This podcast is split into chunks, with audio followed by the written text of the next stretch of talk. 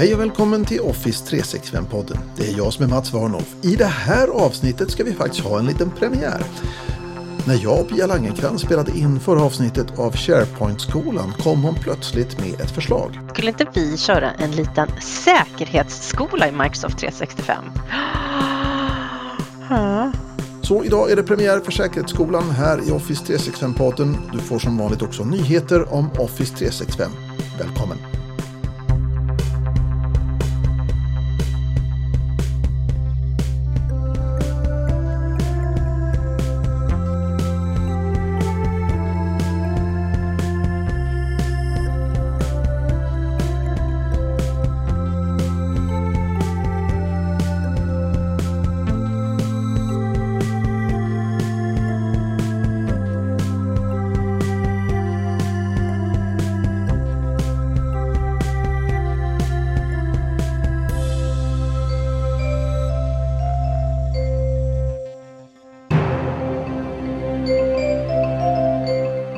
Nyheter i Office 365-podden.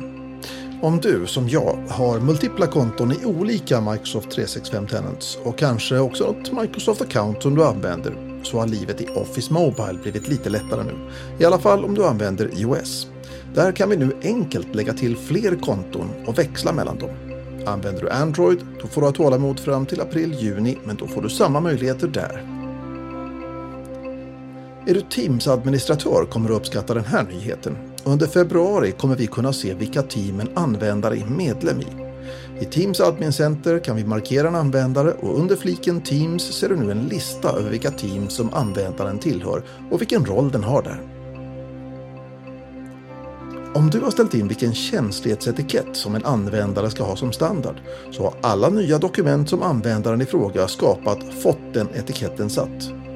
Mellan mars och april kommer samma sak också börja hända när en användare redigerar ett redan existerande dokument som saknar känslighetsetikett. Under januari har det hänt grejer som gör livet lättare för gäster i Teams. Gäster kan nu enkelt tacka nej till en inbjudan i Teams-klienten och därmed försvinner den väntande inbjudan ifrån tenantlistan i Teams. Gäster kan också enkelt lämna en organisation där de redan är gäster. När man klickar på Lämna organisationen så tas vi till portalen där vi enkelt kan slutföra och bekräfta att vi inte längre vill vara gäst i organisationen. Gäster kan nu också gömma en organisation i listan över organisationer där de är gäster. Och det var nyheterna i Office 365-podden.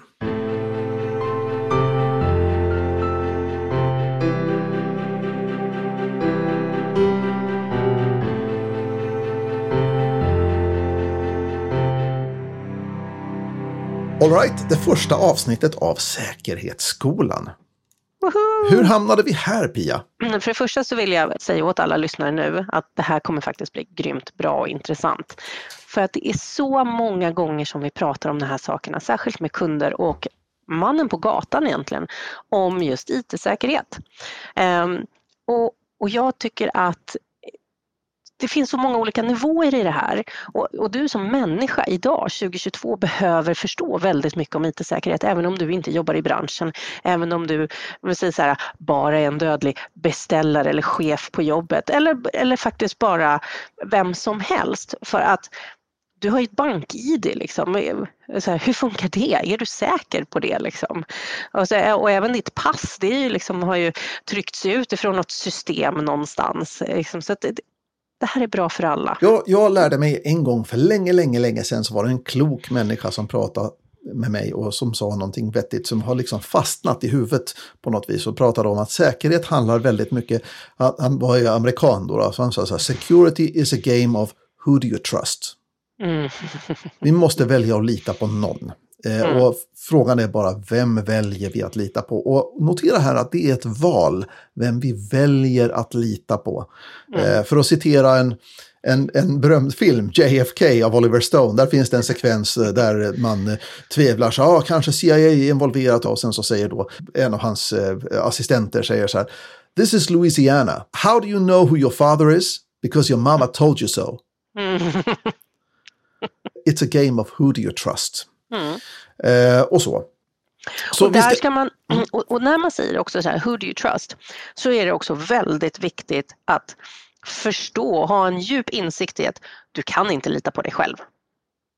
Du kan inte lita på att du kommer ihåg alla dina lösenord, att du alltid kommer ha kontroll över din telefon med ditt bank-id på, att du alltid kommer att minnas den där krypteringsnyckeln eller att du kommer att leva för evigt. Mm. Det går inte att kunna bara, ja men bara jag har de här grejerna så kommer det vara lugnt. Nej. Nej. Nej. Nej. Nej, men säkerhet är, är liksom en samarbetsgrej. Det är, it takes a mhm. village som vi säger.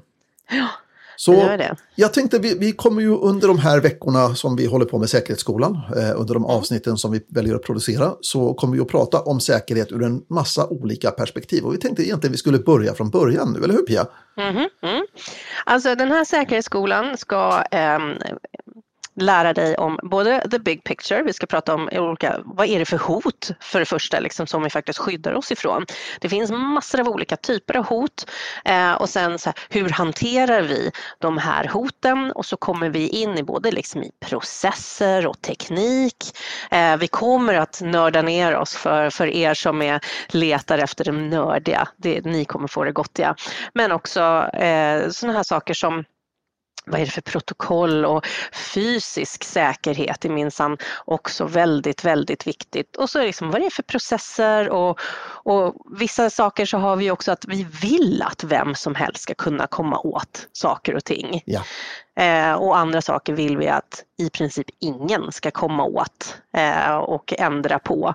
Eh, så att vi, vi, ska, vi ska ta med er på en, på en historia. Ja, det kan man väl säga. Ja. Vi börjar med his precis, historiepodden, techversionen. eh, och hur börjar vi nu den här historien? Ja, men alltså, jag tänker att vi börjar med faktiskt med hoten. Alltså, hela grejen så här, varför säkerhet? Jo, för att det finns hot. Måste vi börja um, definiera vad ett hot är för någonting, tänker jag. Ja, men exakt. Vad är ett hot? Um, och det är ju liksom någonstans i ett liksom en, en jätteenkel definition. Sånt som förhindrar oss att göra det vi vill göra, Precis. som skadar oss. Det är just um, den definitionen som vi behöver. Ett hot är någonting som hindrar oss att göra det vi har tänkt att göra. Mm. Precis. Och, bara, och vad kan det vara? Um, vi, uh, vi kan ju börja med det som, är, som alla tänker på först och främst. Uh, som Hackare. inte är det vanligaste. Hackare, ja. All right. Ja. Vad menar, alltså, vi med, vad menar vi med hackare? Ja precis, vad menar vi med hackare? Är det det här liksom i, i filmerna, folk sitter i ett mörkt rum, svart bakgrund och det bara rullar text. Mm.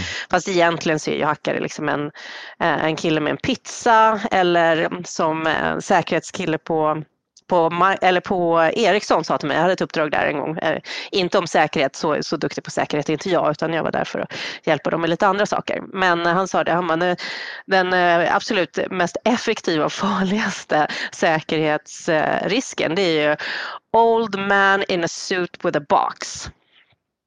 Can you please get that door for me? Mm. Absolut, du ser trovärdig ut. Öppna dörren och släpper in dem. Mm. Eh, det är ju egentligen hur en hackare ser ut. Liksom. Men, vi, men vi tänker också liksom det här äh, Nordkorea-hackare, ryska hackare. Ja, ja alltså, och det finns, ja. här finns ju allt ifrån eh, två snubbar i en skrubb till eh, hundra personer som sitter i en statlig byggnad någonstans och är hackare för en, en underrättelsetjänst eller motsvarande. Mm. Det finns allt däremellan. Och, men, ja. men de använder sig av ungefär samma, samma attackstrategi. Absolut. Ehm, de, de letar efter svagheter i tekniken för att det är jättemånga som inte uppdaterade sina servrar. Definitivt. Mm. Nästan liksom alla, vad var det, Far Cry eller vad hette den där som ja. var gamla Windows-grejer liksom. Som var så här, det, facit fanns redan, du kunde ha tagit hand om det här för länge sedan. Men hackarna var så här, nej, folk är idioter, de uppdaterar inte. Så Förlåt man, folk. Ja, precis. Ja, men så är det ju naturligtvis. Det är så roligt vad man kallar de här. Vi, just nu så väljer vi att kalla dem för hackare. Tittar man i Microsofts dokumentation och deras kurser så kallar man dem för adversaries, eller motståndare. Mm. Eh, och så vidare. Då, då. Eh, och, och, en del kallar dem för fienden och så där. Då, då. Det, man kan ha olika definitioner på vad det här är. Och det är bra att ha en, en en definition som inte förutsätter att det, att eh, det är tekniska hackare. Det är inte alltid IT-hackare, det kan vara mm. precis vad som helst. Precis, the old man with a suit det är ju inte en, en IT-snubbe kanske, utan kanske någonting mm. annat. De flesta av de här eh, angreppen då, de sker enligt någonting som man kallar för en playbook. Det vill mm. säga, det finns en process, precis som vi har affärsprocesser på företaget. Vi gör X, vi gör Y, vi gör Z och sen är vi i mål. Så jobbar eh, de här motståndarna, eller vad vi nu väljer att kalla dem för, alltså, de arbetar också efter en playbook.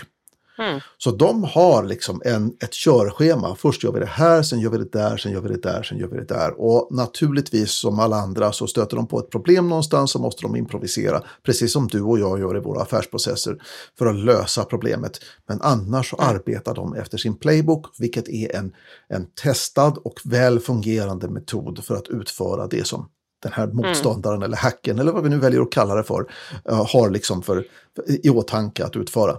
Det finns ju finansiella mål, alltså att man, vill, mm. man är ute efter pengar och där hittar vi den typen av attacker som vi kallar för ransomware. Det mm. finns.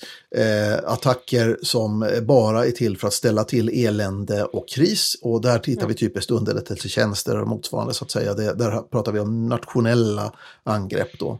Eh, mm. och sen så finns det andra typer av attacker också naturligtvis då.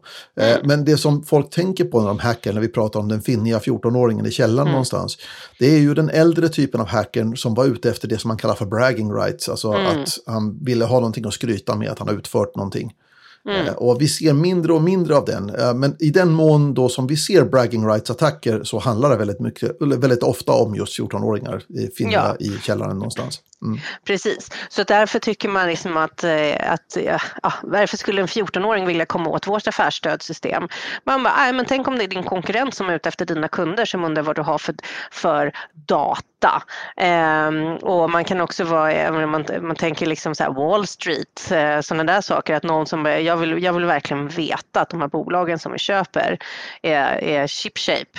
De kan ju faktiskt, det är, för dem är det ju inte en jättestor kostnad att anlita en hackare som går igenom och kollar saker liksom och hämtar upp och lite insider information. Det är, ju, det är ju groteska pengar det handlar om. Så att bara för att du inte har fått din webbsida eller någon som har gjort en ransomware för, för bitcoins och sådär så betyder det inte att du inte någonsin har blivit hackad. Så är det ju. Det här är ju den klassiska frågan som man ställer alltid då. Den, den elake konsulten, säkerhetskonsulten som säger så här, har du blivit hackad? Mm. Eh, nej, säger folk. Och så säger man, hur mm. vet du det? Om du hade blivit hackad, hade du vetat om det? Mm. Eh, och det, är ju, det här är ju det som sätter kalla kårar i huvudet på folk som är ansvariga för verksamheter och liknande saker. Det är ju sånt som man gör att man sover illa dagen efter. Mm. Vi kanske redan är utsatta för ett angrepp eller vi har ett pågående angrepp som vi är helt omedvetna om eller vad det nu handlar om. Mm. Eh, ja, det är högst troligt. Ja, Ja. Så om vi då tittar lite grann, jag menar vi har ju hackare och sen så har vi det mm. klassiska också naturligtvis. Det, folk tänker att, att det alltid är med mening som saker och ting händer, men ibland mm. sker ju saker och ting av misstag. Folk mm. som gör saker och ting som de tror är olegitima, saker och ting som de tror är okej, okay, eller kanske mm. till och med saker och ting som de tror förväntas av dem att göra, men som är helt fel. Och sen så råkar mm. man råkar radera data eller vad det nu handlar om. Precis, och nu pratar vi hotet eh, anställda, fumliga anställda, liksom ja, vad man ska säga, oinformerade eller outbildade anställda. Mm. Man råkar radera, dumpa hela kunddatabasen och bara, men jag rensade ju bara upp efter offerten. Ja, mm. precis. Det, det, är ett hot ja. eh, och eh, missnöjda anställda. Eh, det här är någonting som är väldigt vanligt just med sälj, att folk tar med sig sin eh, kunddatabas när de går. Det är ett jättestort hot. Mm. Den, det är inte du som säljare har inte rätt till dina kunder. Du har kundrelationer men nu lämnar du dem till företaget när du slutar. Ja. Det här är jättevanligt. Ehm, och, det, är rätt, det är rätt intressant därför att det finns ett, ett uttryck där som heter eh, fienden älskar förräderiet men hatar mm. förrädaren. Det, vilket innebär ah. i princip, ah, vad kul att du har kommit över till oss och vad kul att du tog med dig ditt gamla företags kundstock också. Fast mm. vi kommer ju inte låta dig att titta på våran kundstock för nu Nej. har du just talat om vad, vad för slags människa du är. Precis, du har bränt förtroendet redan. Precis, då, så tack så jättemycket. Men mm. hej då. Typ. Typ, japp. Och det är också underlag för många uppköp också, bara för att komma åt kunddata. Liksom. Så det, det är en big business, absolut. Um, Eh, och som sagt, det, är, det är ofta så juniorsäljare som, kommer, som har det här tänket. Eh, senior och chefer, de vet bara så här, ja ja, men jag har alla de viktiga på LinkedIn. Eh, jag, kan ringa dem och säga jag har slutat liksom och jag gör det här. Att du inte du siktar in dig på valarna helt enkelt och Precis. behåller det och sen så sköter man korten lite snyggare. Eh, det är juniorer som gör den här, det här hotet. Ja, precis. Mm. Folk som inte har kommit till den femte minuten på hur på sina funderingar helt enkelt. Men okay, men det är ju en sak. Och då, då har vi mm. pratat om de två typerna av mänskliga hot. Då, det vill säga folk som mm. illvilligt försöker göra saker och ting oavsett om de finns internt eller externt. Och sen mm. folk som gör saker och ting av misstag. Då. Det finns det, det mm. som man kallar på engelska säger man då non-malicious. Då. Det finns mm. ingen elak tanke bakom utan det är ett, ett rent misstag så att säga. Då. Mm. Och sen har vi ju andra typer av hot. Eh, och här brukar man ju prata om naturliga hot. Alltså det är, vi, vi, pratar om eh, eh, lavaströmmar, nej men liksom eh, zombieattacker. Nej men, men på riktigt ja. så pratar vi kanske om eh, eh stora strömavbrott som mm. är, inte finns någon malicious utan det, det händer mm. bara. För så är det ju, saker och ting händer mm. bara. Det finns inte alltid en en mm. missnöje eller något sånt där bakom, utan saker och ting går på tok ibland. Eller mm. det kanske regnar mycket och vi blir översvämmade eller eh, mm. det, vi kanske, någon kanske eh, råkar trycka igång eh, sprinklersystemet och sen så har vi inte kommit till den femte minuten om vart vi placerar våra servrar någonstans och de är på källarvåningen och nu är källarvåningen vattenfylld. Äh, men, eh, det Precis. finns alla möjliga typer av hot. Mm. Ja, och där är ju också när det kommer till de här eh, naturliga hoten, eh, alltså lava, vi kan ju garva, men vad hände när det blev ett vulkanutbrott vid Island? Det där askmolnet som blev, det gick inte att resa, då kunde vi inte skicka saker, vi liksom, det, det påverkade jättemycket.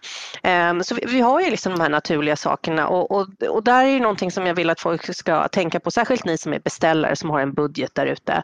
När ni sitter och jämför molnet till exempel med den här Security Biz aktiebolag i Kista så är det så här att har de en trädgräns utanför deras, liksom, för kommer den här stormen Eskil eller någonting och blåser ner 30 meter tall liksom, över server, över fastigheten helt enkelt.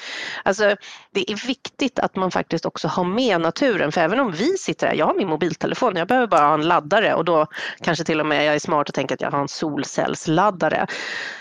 Whatever, det är ju fortfarande där grejerna ligger någonstans de här, vatten, vind, storm, eh, lava, zombies. Zombies påverkar inte än, eh, men förhoppningsvis aldrig. Eh, men det är en, en, kul tankeövning att, men vad händer liksom om det här sker? Och, och, där behöver man ju också liksom just tänka på den här co-location som finns, att man har på flera fysiska ställen datan ligger, både i Europa och Asien liksom för att ja, blir det då att det är någonting som händer i Asien, jordbävningar eller någonting. Att, eh, och det behöver ju inte vara att liksom jorden öppnar upp sig och sväljer hela serverparken. Det kan ju, räcker ju faktiskt med att det är någon som klipper en internetkabel liksom, som gör så att belastningen blir för stor och du måste vänta flera minuter på att få dina anrop. Ja, jag, jag har några hot till här på min lista som okay. jag vill innan vi går vidare. Mm. Um, och där är det också kryptering och nätverk. Det är väldigt, väldigt viktigt att, uh, för jag menar även om, om jag är en bra anställd och du är en jättebra chef, om jag skickar massa kreditkortsnummer till dig i en Excel-fil, så uh, även om du och jag aldrig någonsin skulle ha det här, men om det inte är krypterat så ligger det faktiskt på server där ute någonstans som någon faktiskt skulle kunna söka igenom och hitta. Um, så därför kryptering och nätverk är också också väldigt viktigt, eh, att den, att den finns med i hela säkerheten. Och sen så vill jag prata om likheterna och skillnaden på disaster recovery och backup ja. innan vi går vidare till analysen. Det är ju en jätte, jättebra fråga därför att det är mm. väldigt många som tror att en backup är detsamma som disaster recovery och har jag mm. disaster recovery så har jag en backup. Men egentligen så mm. menar vi olika saker med de två mm. termerna. Ja, och jag menar för att liksom måla upp en fysisk bild av det hela, om vi säger backup, det är ju biblioteket som vi har. Här ligger alla våra filer. Vi går ner och lägger en kopia av våra filer här i biblioteket så jag kan gå och hämta dem ifall jag behöver dem igen. Då har jag den här. Disaster recovery, det är en ögonblicksbild av hur det ser ut precis just nu och allting rasar precis just nu. Du tappar din dator i badkaret och du går och köper en ny dator och vill ha tillbaka den så som den såg ut innan den åkte i badkaret. Det är disaster recovery. Biblioteket är backuper, om man nu ska hårddra det. Mm. Oh. Disaster, när vi pratar om sådana saker som molntjänster, då, då, brukar vi typiskt hamna i ett läge då där disaster recovery förväntas vår leverantör ta hand om. Eh, de ska ha redundans i sina datacenter. Eh, de ska ha så att de kan återställa tjänster ganska fort om de är nere eh, och så vidare. Och det finns en del som tror att när man pratar om så här backuper, ska man backa upp saker och ting i Office 365? Ska man backa upp sina mailboxar och så vidare då? Och det kan man absolut göra, men man gör det inte för disaster recovery. Mm. Därför att när vi pratar om disaster recovery så kräver det att vi ska kunna återställa hela det där till någonting. Och vad ska du återställa det till ifall Microsoft 365 är nere? Mm. Eh, ska du då sätta upp egna mailservrar och importera mailboxarna mm. dit? Eller vad har du tänkt? Vad är planen där? Men eh, när vi pratar om backup så pratar vi om det här det som man kallar då för kanske sån här single item restore. Att jag vill återställa en specifik fil som har blivit korrupt eller raderad eller jag vill göra någonting annat. Det är någonting annat än disaster recovery. Disaster recovery handlar om att eliminera tjänstehinder egentligen, att vi, att vi kan jobba. Eh, Medan mm. backup är till för att hantera de här små katastroferna. Alltså där mm. eh, vi har tappat lönefilen eller konfigurationsfilen för affärssystemet har blivit korrupt eh, så affärssystemet vill inte starta längre eller vad det nu handlar om. Där pratar mm. vi om backuper. Ja men alltså, och just det backupen, om vi nu går tillbaka till liksom hot som till exempel en översvämning i våran server, eh, center där vi har allting i källaren och säger så här, okej okay, våran avtalsdatabas är rökt. Eh, och eh, jag, jag, måste få tag på alla våra avtal som vi har. Ja, men vi tar en backup på våran, vårt avtalssystem en gång i veckan, om vi nu säger så bara, eh, och lägger det någon annanstans. Mm. För det är det här, det är när vi kommer till mitigeringar, hur hanterar vi risker så är det ju liksom att fysiskt, vi lägger dem på olika ställen ifall den här fysiska platsen blir dålig. Vi lägger Bra. inte alla våra ägg i samma korg helt enkelt. Nej. Mm. Nej, när det kommer till säkerhet så har vi ofta, eh, för att må riktigt, riktigt bra från en säkerhetskonsultsida så har vi liksom hundratals korgar. Ehm, men då blir det så här att okej, okay, men då finns den här avtalsdatabasen någon annanstans eh, och jag säger så här, nu vill jag ha den och det här arbetet då, den här veckans arbete som har gjorts sedan dess, ja, det får vi i gruppen då sitta liksom och backtracka, vad är det vi har gjort och sånt där. Det, så, så mycket kan vi, har vi råd att förlora när det kommer till avtal för så ofta är det inte så att den här fylls på. Eh, och där är det viktigt när man pratar om mitigeringar, sitter vi och pratar om kreditkortstransaktioner, då kan vi kanske på vår höjd tappa några sekunder. Eh, tappar vi en vecka med kreditkortstransaktioner, då är det kört. Då är vi illa, riktigt, riktigt illa ute. Då, då, då är vi illa, då ringer vi försäkringsbolaget och gråter liksom, och någon kommer få sparken. Mm. Eh, och, då, och då är det ju viktigt att man då kommer ihåg och varför, varför är jag så passionerad just för den här skillnaden? Jo, för att disaster recovery ingår i Microsoft 365, backup gör det inte. Mm. Du måste veta också vad det är du ska ha backup på. Eh, där kan det vara till exempel ledningsgruppens mailboxar, de vill vi göra backuper på så vi har ögonblicksbild eh, månad för månad eller någonting mm. rimligt. För att om vi då liksom sen om man nu säger liksom korruption i ledningsgruppen, det märker man kanske liksom ett år senare. Eh, då vill man kanske kunna gå tillbaka och liksom titta på vad fan var det som hände. Mm. Men om vi nu tittar på det här, det är ju någonting som är ganska viktigt i det här och det är att när vi säger då att vi vill backa upp ledningsgruppen, det här är ju olika för olika organisationer och Absolut. i grund och botten så, är det, så landar vi i slutändan i det här vad är det du är rädd för? Vad, mm. Hur ser scenarierna ut? Och då börjar vi prata återigen om det här med riskhantering. Mm. Vad är liksom, hur gör vi med olika risker? Mm. Och när vi tittar på risker så då, då finns det ju liksom, ja, man måste göra en slags inventering, så är det egentligen bara. Och de, man, när man identifierar risker då kan man antingen sätta sig ner och, och liksom brainstorma och försöka liksom klura ut eh, risker. Och här är det viktigt att man har mm. tid på sig därför att de uppenbara sakerna kommer att komma snabbt. Mm. Eh, och de lite mer inte så uppenbara sakerna, de kommer att ta mer tid att verka fram. Jag pratar inte om att man ska ha en lång sittning, utan jag pratar om att man gör det här över tid. Mm. Och att man har en, en stående eh, liksom kanske ett stående säkerhetsmöte där man, har, där man liksom, när någon identifierar en ny risk då så att säga. Mm. Eh, det finns andra sätt att identifiera risker också. Man kan jobba till exempel med en slags scenariobaserad inventering. Det här har jag gjort på ett företag som jag jobbade på eh, på, på 90-talet. Eh, när det var kanske tidigt 2000 var det nog snarare. Eh, så jobbade jag på ett företag och där gjorde man då en slags riskinventering som var scenariobaserad. Där man hade en utomstående konsult som egentligen bara ställde frågor.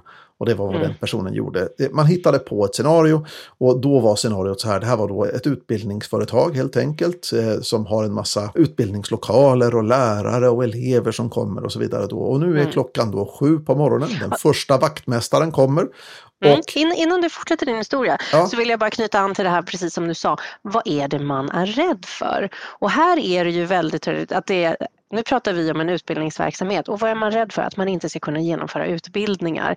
Så att liksom, vad, alla som lyssnar, bara, ta, ta, inte bara kopiera det här rakt upp och ner utan verkligen så här, vad är det man är rädd för? För det tycker jag det är en sån, sån otroligt viktig fråga. Mm. Ja, fortsätt, förlåt. Och den här ska ju naturligtvis vara centrerad i de processer som, som ger pengar eh, och så vidare, liv, livskraft till mm. företaget. Och det är ju oerhört viktigt. Så det är personalresurser och det är pengar och det är liksom affärsprocesser och sådär. Så Den här konsulten hittade helt enkelt på då, eh, med tanke på hur organisationen såg ut och vad organisationen hade för affärer, så gjorde man helt enkelt så att när vaktmästaren kom på morgonen, så eh, klockan sju på morgonen, då sa jag, ja, eh, när, du, när du kommer till arbetet på morgonen då så, så är det avspärrat, hela kvarteret är avspärrat därför att det finns ett trovärdigt bombhot eh, mot fastigheten. Eh, vad gör du nu? Eh, ja, eh, liksom. Eh, jag, jag, måste ju, eh, jag måste ringa vd. Okej, okay, bra. Ring vd. Eh, ja, eh, då, jag tar min mobiltelefon här och sen så, hmm, vänta, jag ska bara leta reda på vds telefonnummer. Okej, okay. konsulten antecknar, har inte vds telefonnummer. Okej, okay. bra, ringer vd.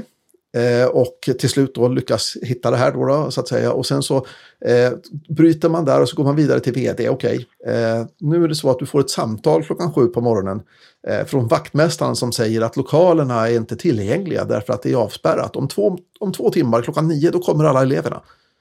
Eh, vad gör vi nu? Ja, då måste vi samla teamet. Bra, okej, okay. samla teamet. Samla teamet. okej, okay. vil, vilka är nyckelpersonerna? Okej, har du en sån lista? Nej, okej saknar lista över nyckelpersoner i teamet eh, med roller. Liksom. Okay. Och hela tiden då bara bröta sig igenom därför att många gånger så har man då, man har ett, ett scenario och så tänker man att det är uppenbart vad man ska göra i de här lägena.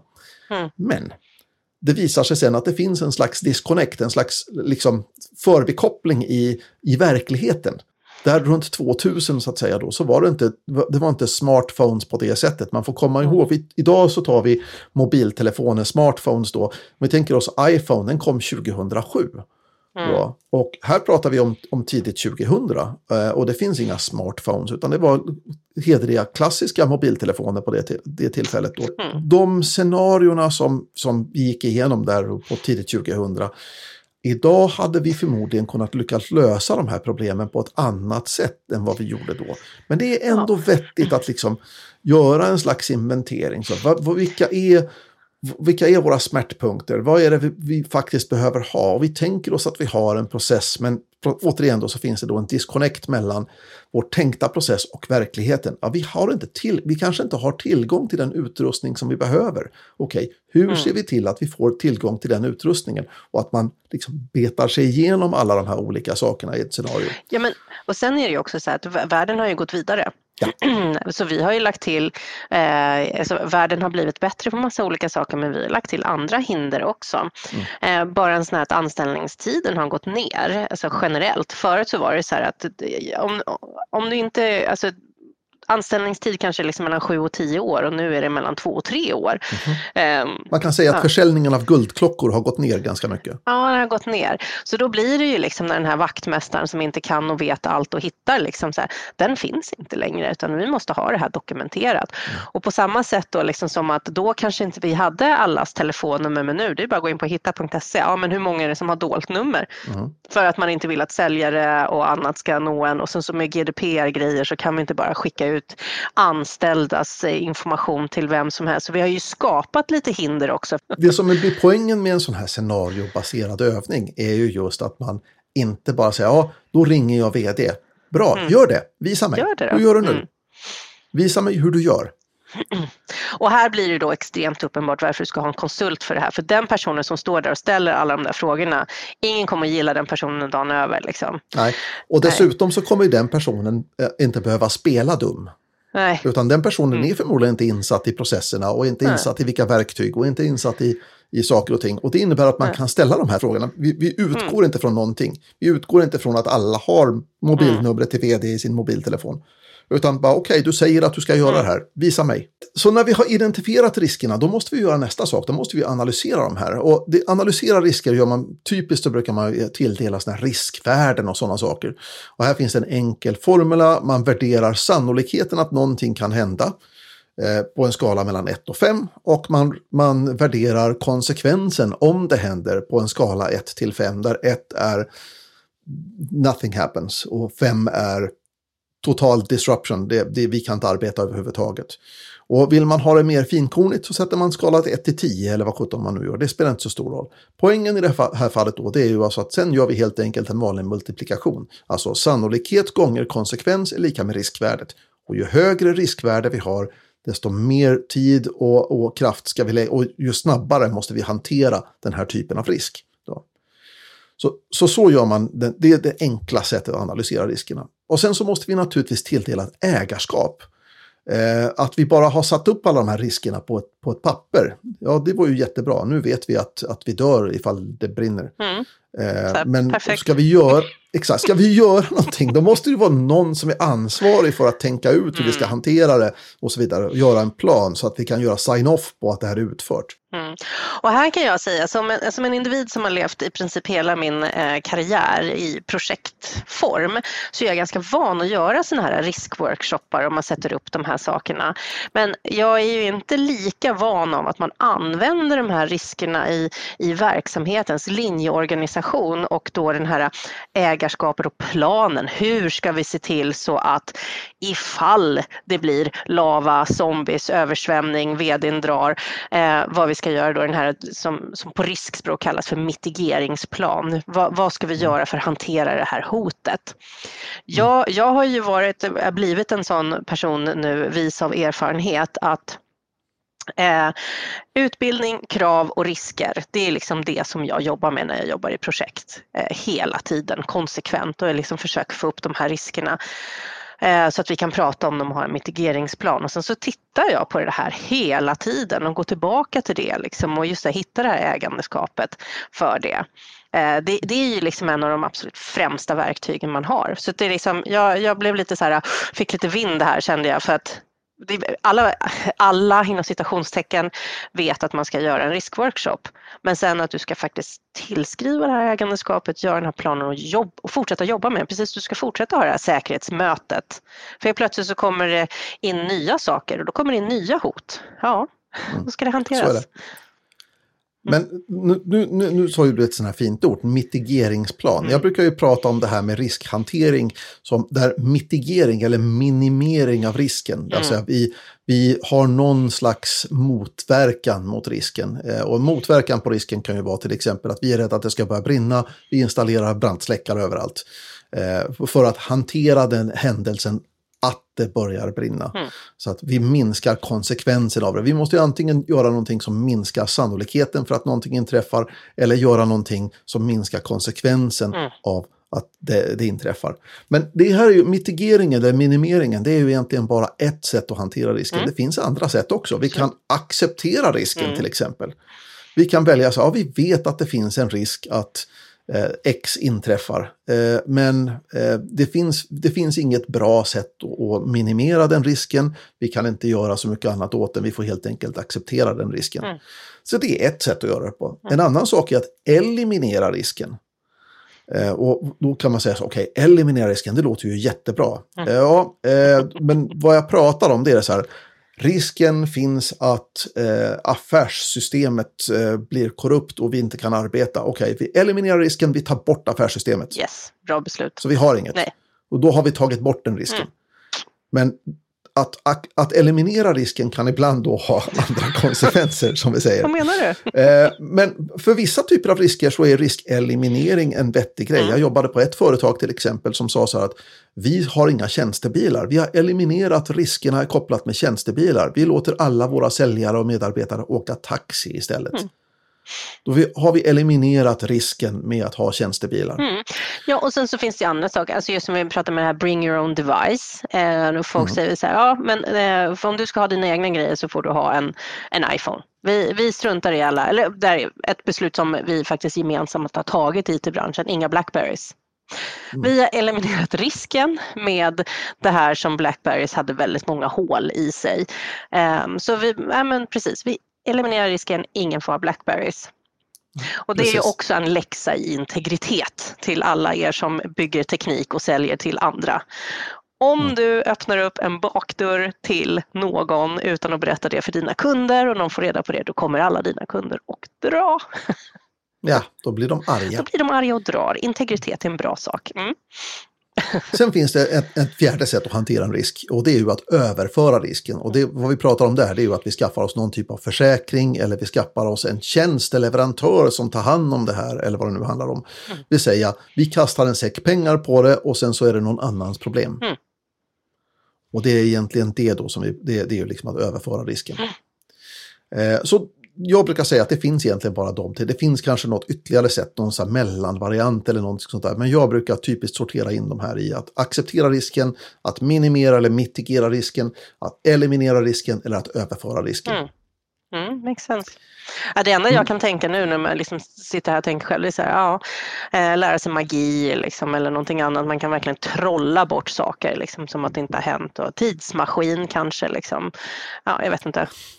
All right, real world. Ja, nej, det är ju... Va? nej, men jag förstår vad du menar. mm. Ja, nej, men det, det, som sagt, så att återigen då så att säga så måste man ha, man måste hantera alla upptäckta risker på något sätt. Mm. Och det är okej att acceptera en risk, mm. bara vi gör det, liksom att vi har funderat igenom det och att vi kommer till någon slags beslut om att vi väljer att acceptera den här risken. Mm. Och då ska vi komma då till att att inte göra riskanalys överhuvudtaget är att acceptera alla risker. Mm. Ouch, ja. Mm. Det där är faktiskt väldigt läskigt när man tänker på det. Men det var lite som vi sa häromdagen, liksom med att eh, om du säger så här, nej men vi har inga processer, då bara, ah, ni har inga dokumenterade processer. Det är också så här, vi har inga risker, ah, ni har accepterat alla risker. Eh, Exakt. Lite så ja. Mm.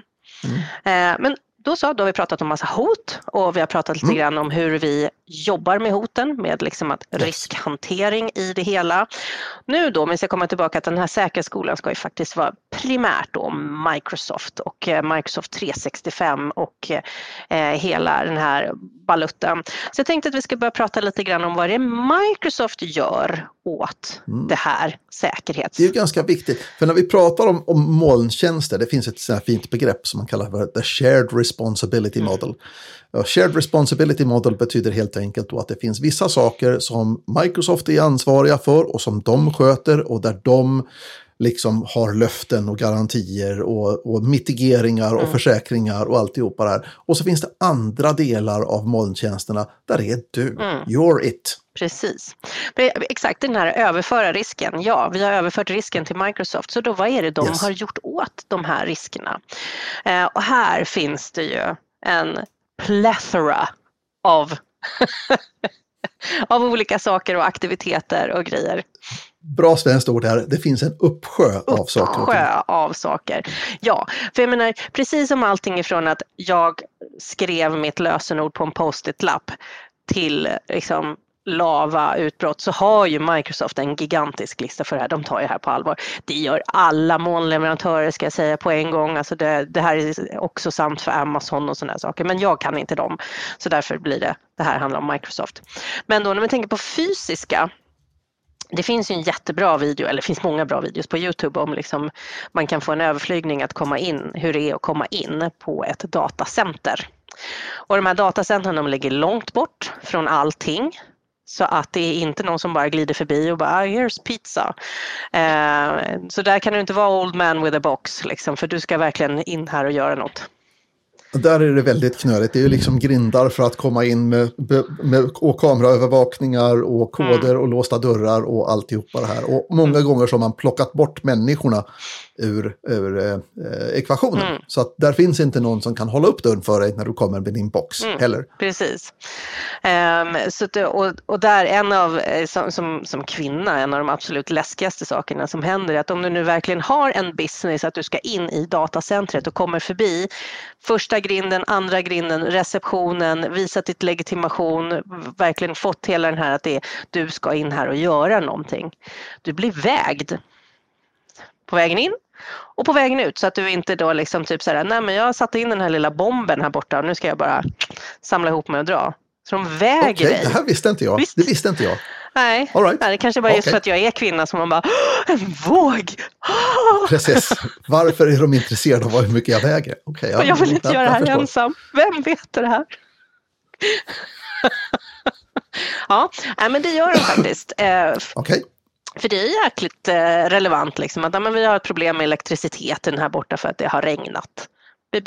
Det kommer in en, en, en tekniker med massa saker liksom och där, ja visst, liksom en rörtång liksom. Det, det, går väl att glömma och göra olika saker och sen så är det en liten bomb mm. där som man lämnar efter sig.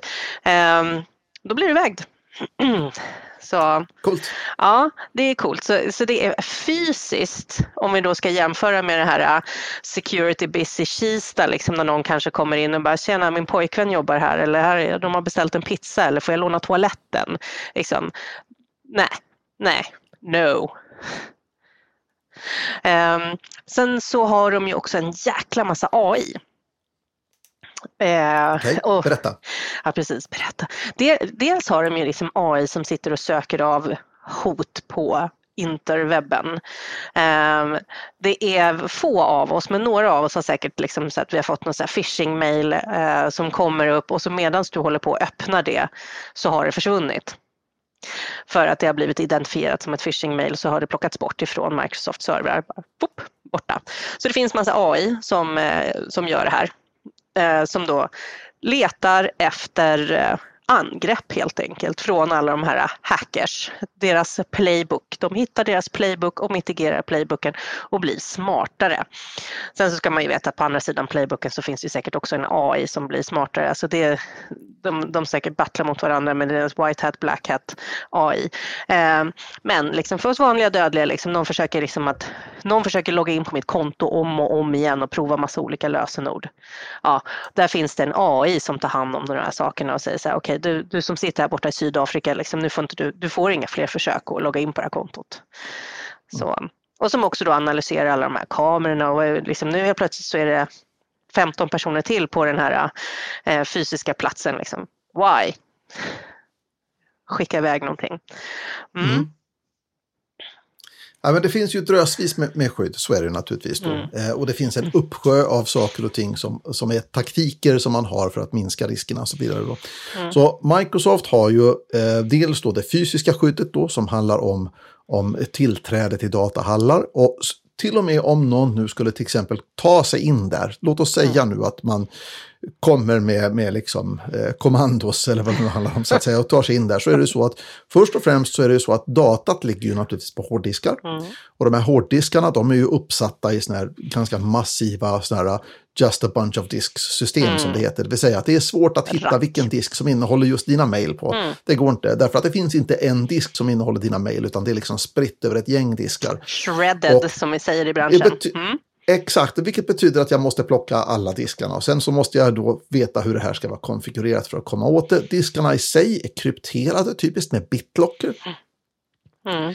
Eh, och det finns liksom en, en, rad saker och ting. Så eh, sannolikheten att någon skulle ta sig in i syfte för att stjäla data på ett sånt datacenter, den är ganska så osannolik, mm. den, den, det scenariot. Ja, för nu fick jag Men liksom man kan fortfarande här... förstöra saker och ting. Ja, förstöra mm. kan du göra.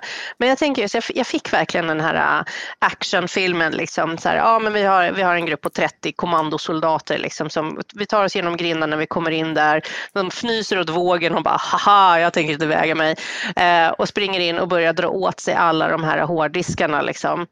Sen så ska mm. ju de då sätta upp det, precis, de ska ta med sig det här. Sen så tar de det till the secret layer där the genius som kanske tidigare jobbar på Microsoft, som ska sätta upp det då i sitt rack och knäcka den här krypteringen och för att få ut den här mejlen.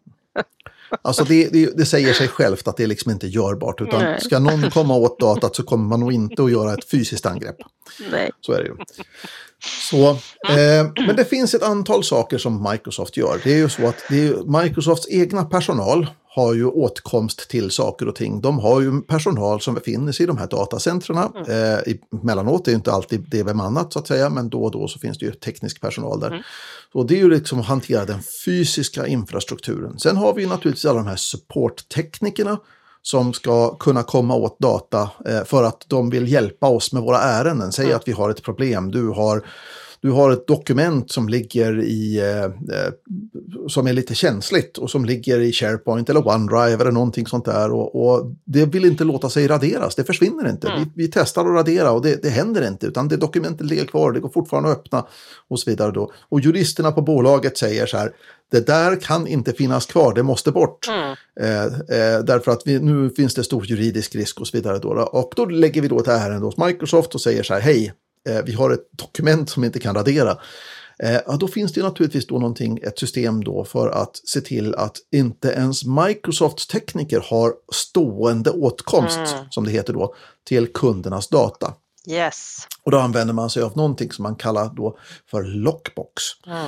Och Lockbox går till så här att eh, du lägger ett ärende och en tekniker får det här ärendet tilldelat till sig. Det här är ju liksom som vilken ärendehantering som helst. Teknikern har ärendet eh, Eh, tilldelat till sig.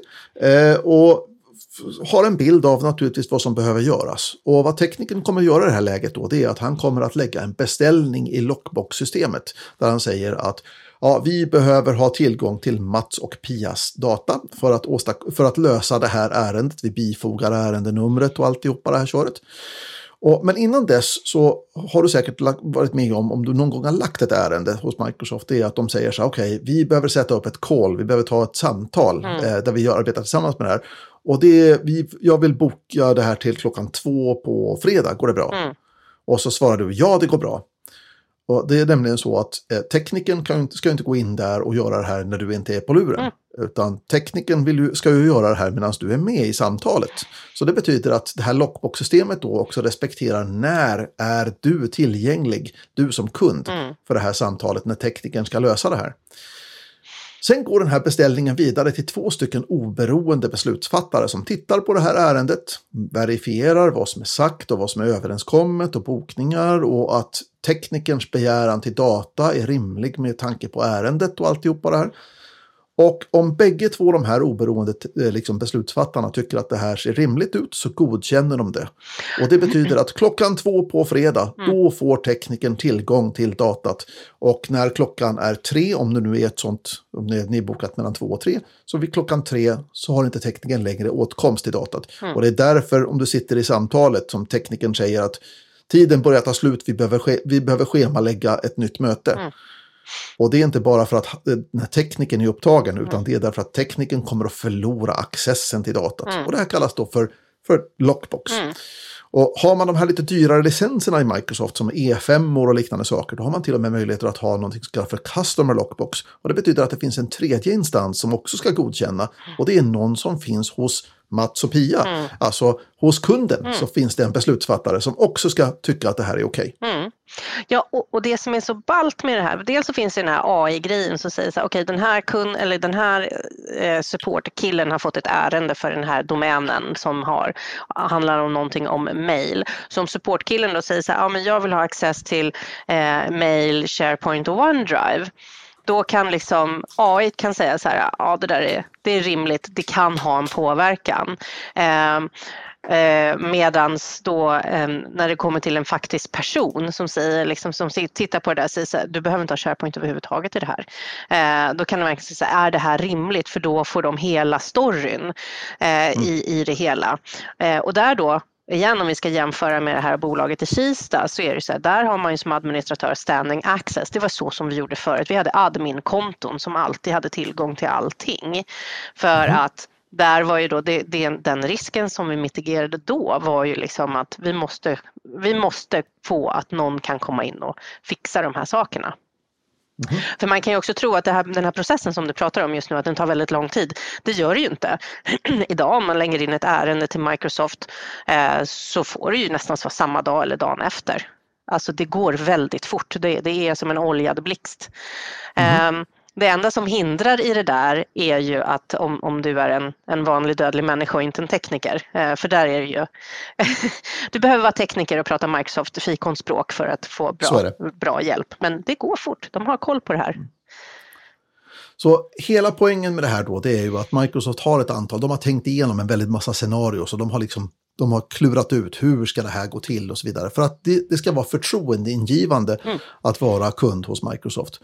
Och Sen har ju de naturligtvis också tredjepartare, folk som är inne och alltså städare i datacenter, men mm. vad vet jag liksom.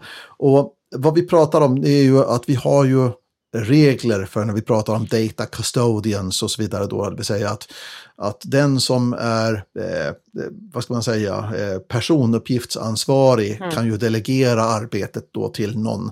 Eh, och då måste de personerna, eller det, det, företaget som också då ska assistera i det här, de måste också finnas listade någonstans. Mm.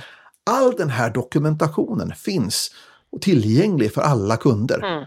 Eh, och eh, där kan man också se hur det har gått för Microsoft när de haft sådana här audits. Mm.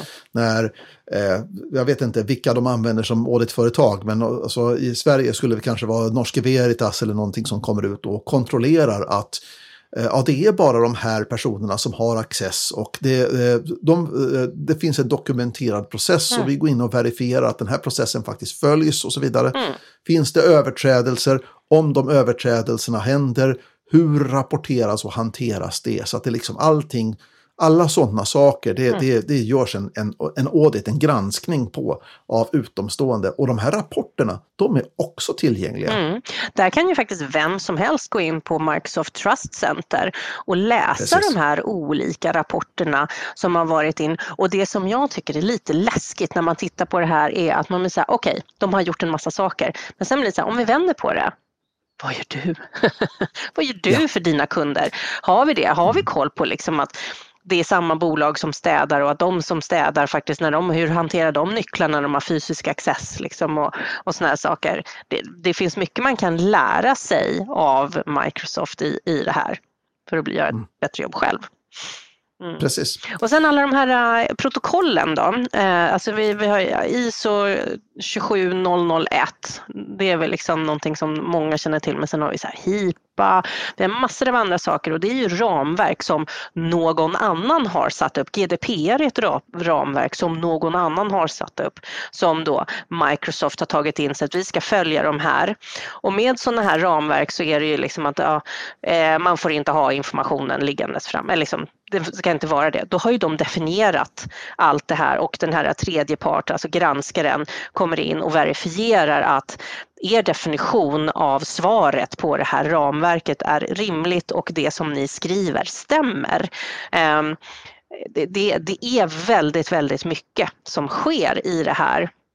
Och där har man ju också liksom så icke-tekniska granskare som verkligen går och granskar processerna och, och, och alla de här sakerna.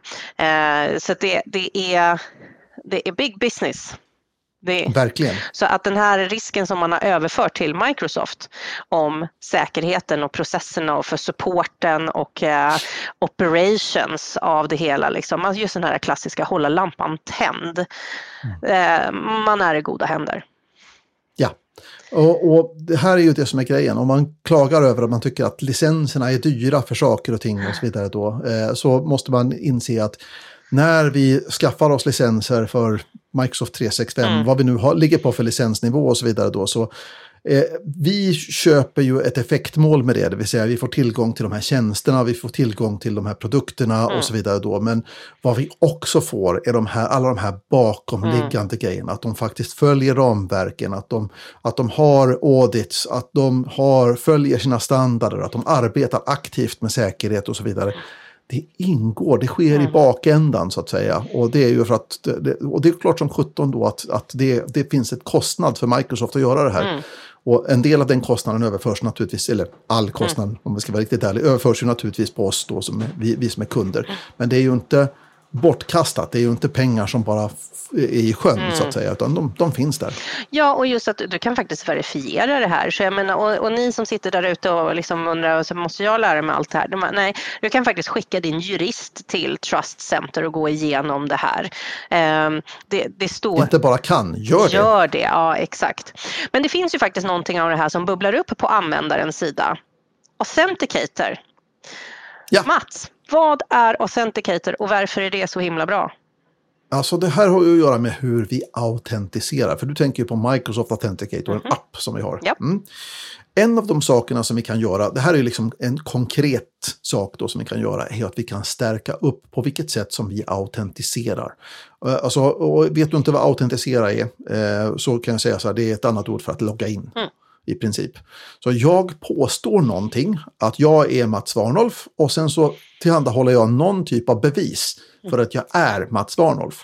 Sommar 1, 2, 3, 4 som du hade skrivit som lösenord. Ja, exakt, lösenord. Det kan vara antingen då att jag talar om, eh, vi har, jag har en gemensam hemlighet som vi säger med systemet. Mm. Jag säger jag och systemet har kommit överens om ett lösenord, eller det är jag som har kommit överens mm. om det.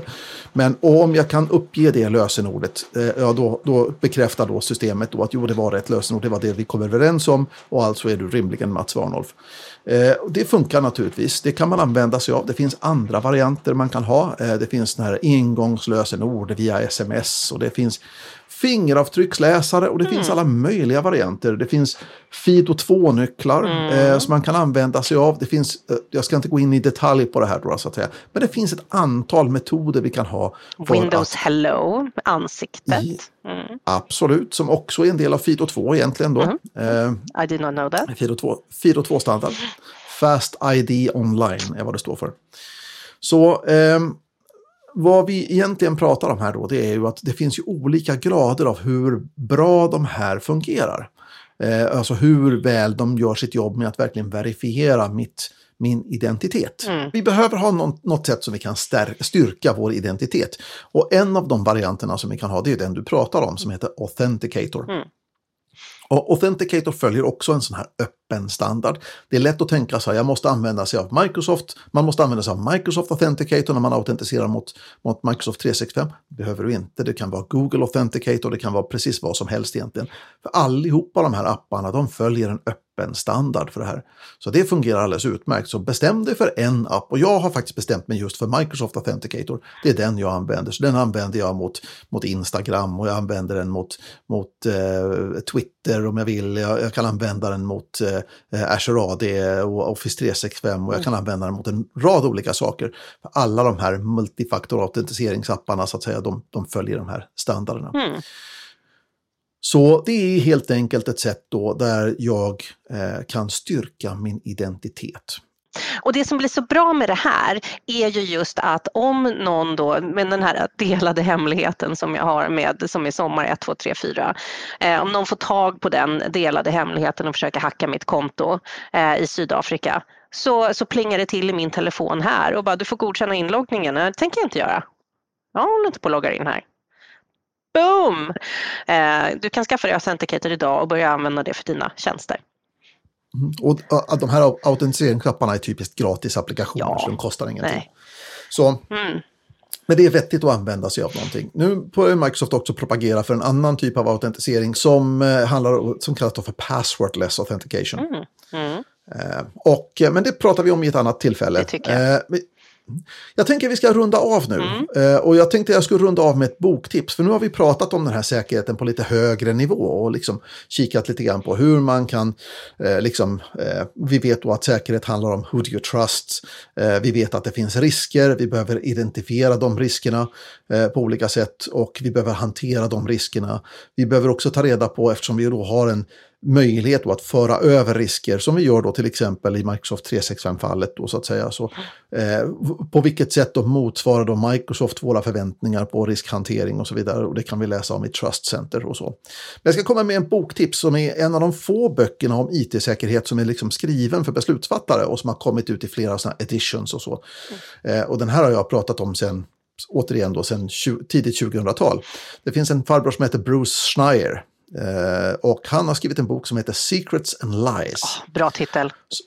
Och den är väldigt, väldigt bra därför att den förklarar på eh, en, en, eh, vad ska man säga, på en rimligt djup teknisk nivå. beskriver alla de här sakerna. Hur resonerar vi runt risk? Och när vi pratar om att kryptera, vad är det vi pratar om då egentligen och så vidare. Då. Vad, ja. Mm. så det är veckans boktips, Bror Schneier, Secrets and Lies. Köp den, läs den, cool. love it. Absolut. Yes.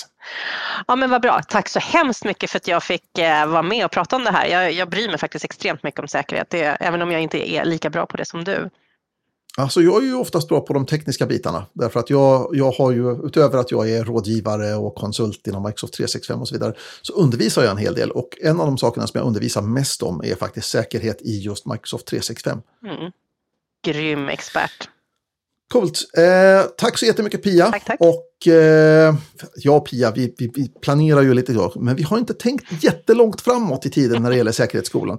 Vi har lite idéer om vad som ska hända härnäst och så vidare då, men eh, eh exakt vad vi ska prata om nästa gång, det får du helt enkelt se. Och det var allt för Office 365-podden för den här gången. Tack till Pia Langenkrans och tack till dig som har lyssnat. Om du har idéer, tankar och förslag så får du hemskt gärna höra av dig. Office 365-podden är varnolf.net. Ha en riktigt trevlig vecka. Vi hörs!